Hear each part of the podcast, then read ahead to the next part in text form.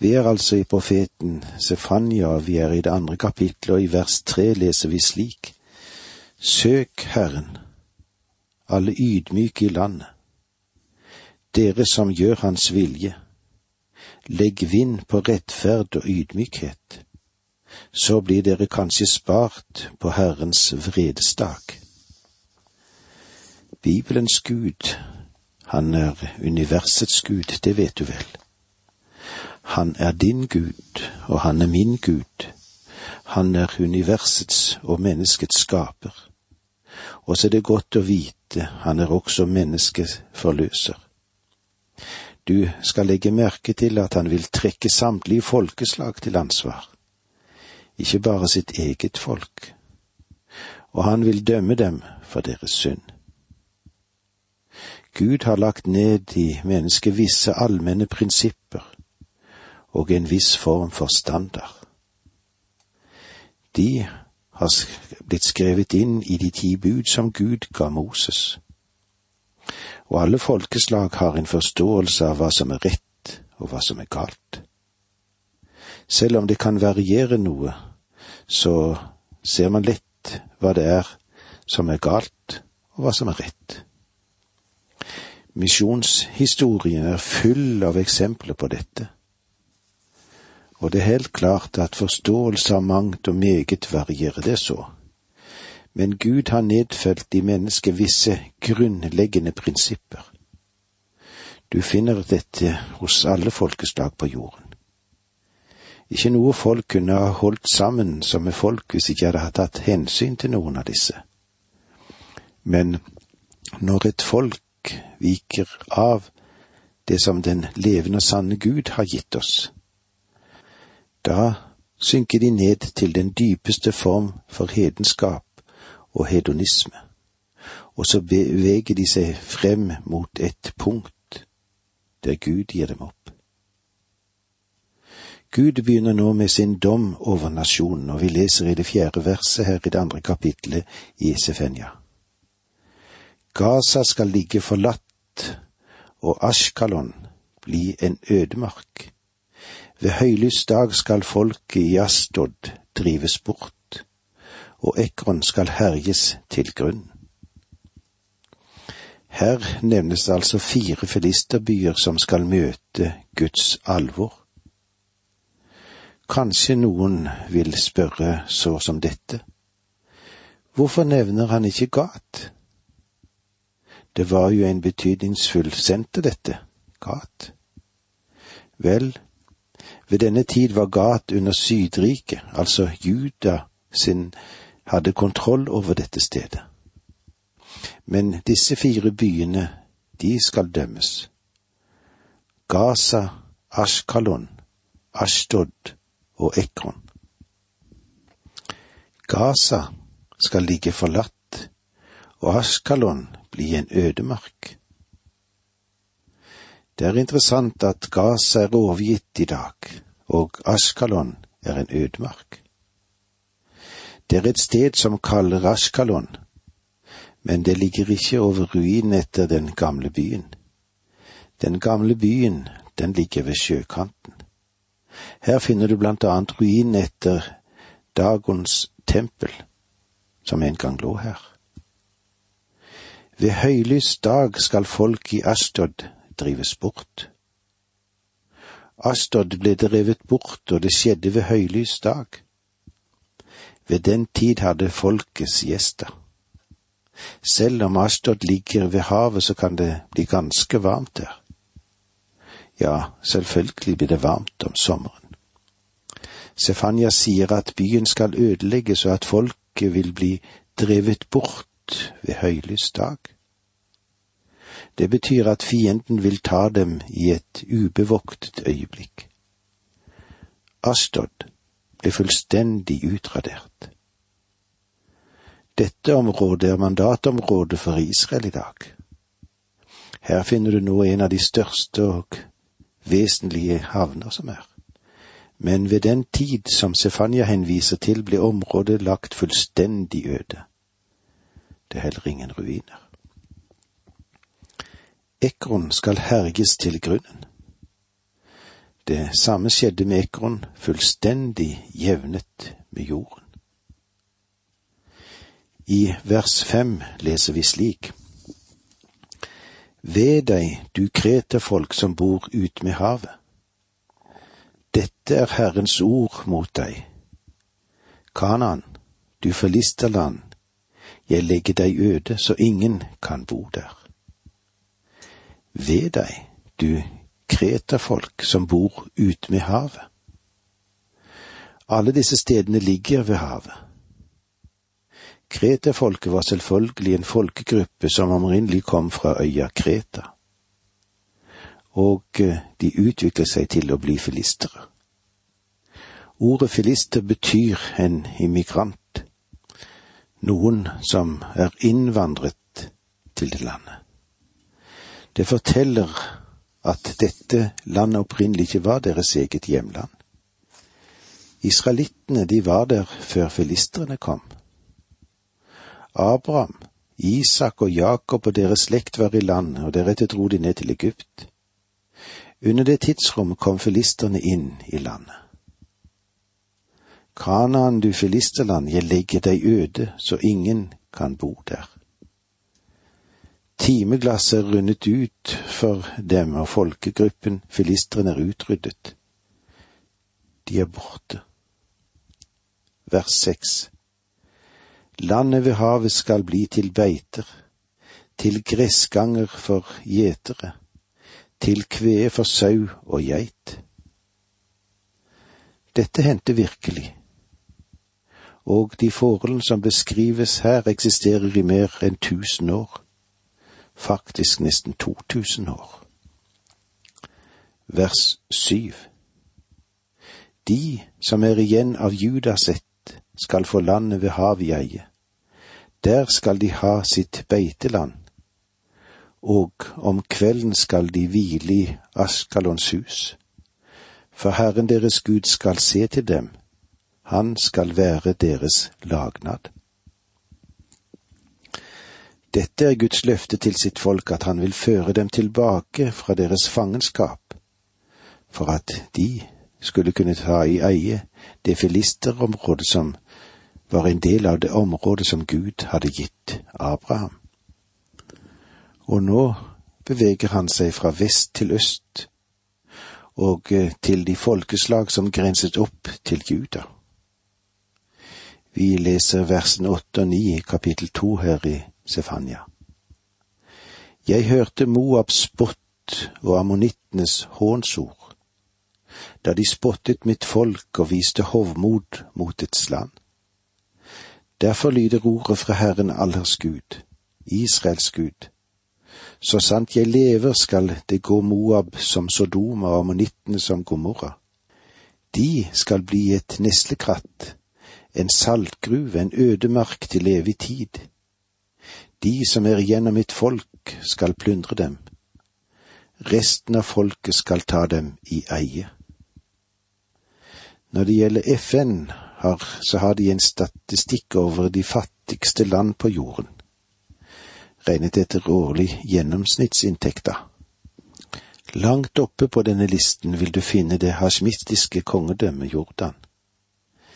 Det utgjør moabittenes og ammonittenes land. Den moderne hovedstad der er Raman. Det er et østlig land så langt som vi kjenner til det, og det vi har lest om.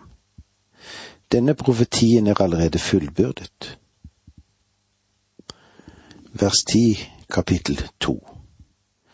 Dette rammer dem for deres overmot, fordi de var stolte og hånte det folket som tilhører Herren, allers Gud. De er dømt på grunn av sin stolthet, og, som du kjenner til, er stoltheten det som var djevelens synd helt fra begynnelsen av. Vers 11 De får rage for Herren når han utrydder alle jordens guder. De som bor på de fjerne kyster, skal tilbe ham, hver på sitt sted. Og med disse ordene sier vi takk for nå, må Gud være med deg. Dette undervisningsprogrammet består av to deler. Åge Nevland fortsetter nå med andre del av dagens undervisning. Vi er i profeten Sefenya, han som stammet fra kong Hiskia. Og eh, det som vi har fått oppleve, er at han profeterte under Josias sin regjeringstid. Og eh, det han har å si oss, er han forkynner Herrens dag når den vil komme. Og nå er vi altså i det andre kapitlet, og vi leser sammen det ellevte verset. De får age for Herren når Han utrydder alle jordens guder. De som bor på de fjerne kyster skal tilbe ham, hver på sitt sted. Gud, han vil stille alle folkeslag i verden til ansvar. Hvorfor? Jo, fordi de har ignorert ham. De har ikke anerkjent ham. De kjente Gud, men likevel ga de ham ikke den ære og takk som Gud skal ha. Med sine tanker rente de i tomhet, og det ble mørkt i deres uforstandige hjerter. De sier at de er kloke, men de endte i dårskap og i stedet for å gi den uforgjengelige Gud ære, dyrket de bilder av forgjengelige mennesker. Fugl, firbente dyr og krypdyr. Ja, dette forteller Bibelen også, i Romerbrevet i det første kapitlet, der vers 21 til 23. De kjente Gud, men likevel ga de ham ikke den ære og takk som Gud skal ha. Det er altså grunnen til at Gud nå setter fingeren på dem. Og så har vi det tolvte verset her da i kapittel to. Også dere nubiere skal falle for mitt sverd. Nubia, det er en vesentlig del av det nåværende Etiopia i Afrika. Du forstår at dette dreier seg om et verdensvidt perspektiv. Vers 13. Han rekker ut hånden mot nord og ødelegger Asur. Han gjør Ninive til ødemark, tørr som en ørken. Han rekker ut hånden mot nord og ødelegger Asur. Etiopia ligger i syd.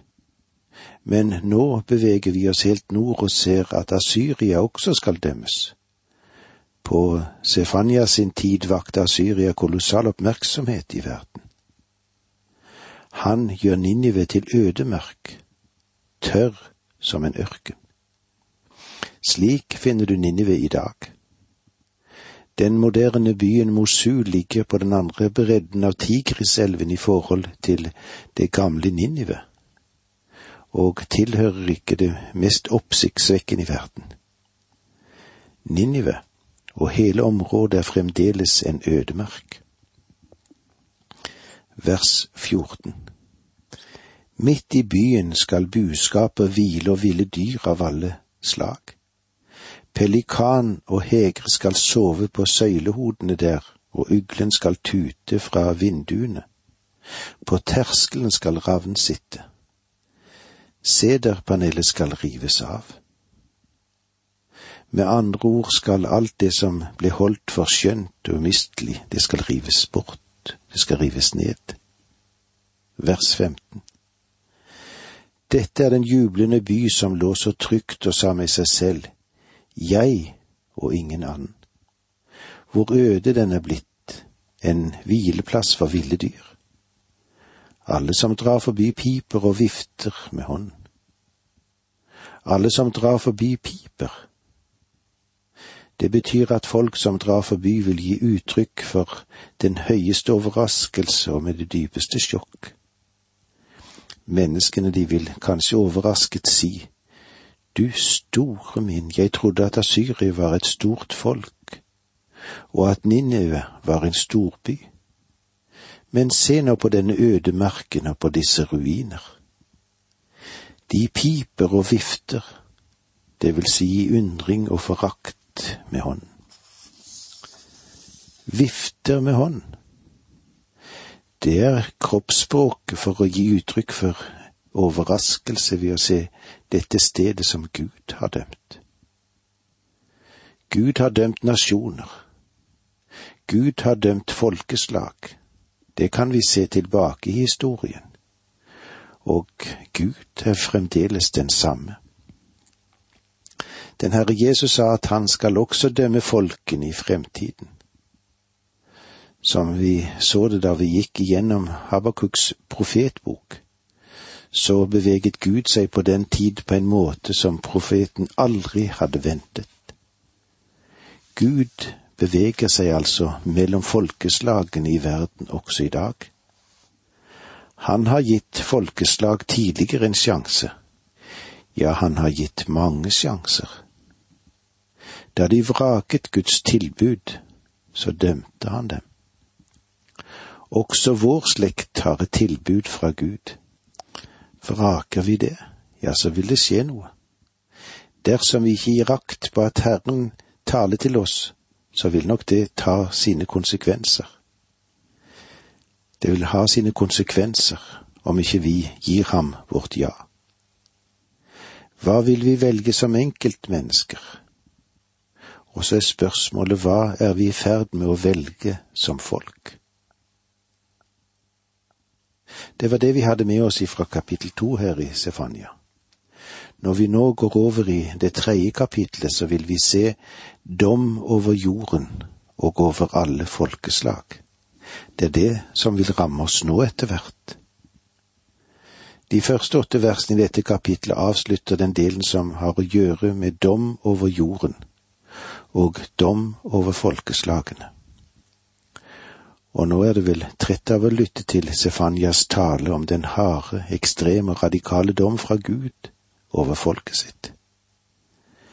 Dette er antagelig det sterkeste språk du finner i Bibelen før du kommer til Jesu beskrivelse slik som vi ser det i Matteus 23. Om du har tid og anledning til å lese det avsnittet i forbindelse med dette kapitlet, så vil du se at Jesus toppet selv Sefanias beskrivelse over dommen. Det kan nesten få blodet til å størkne i årene ved å se den dommen som vil komme. Vi fant ut at i kapittel to fremstår dommen fra Gud som en verdensvid dom. Den er global i utstrekning, og den inkluderer alle nasjoner på jorden. I versene én til fem i kapittel tre vender Gud seg tilbake til den dom som kommer over hans folk, og han er meget konkret.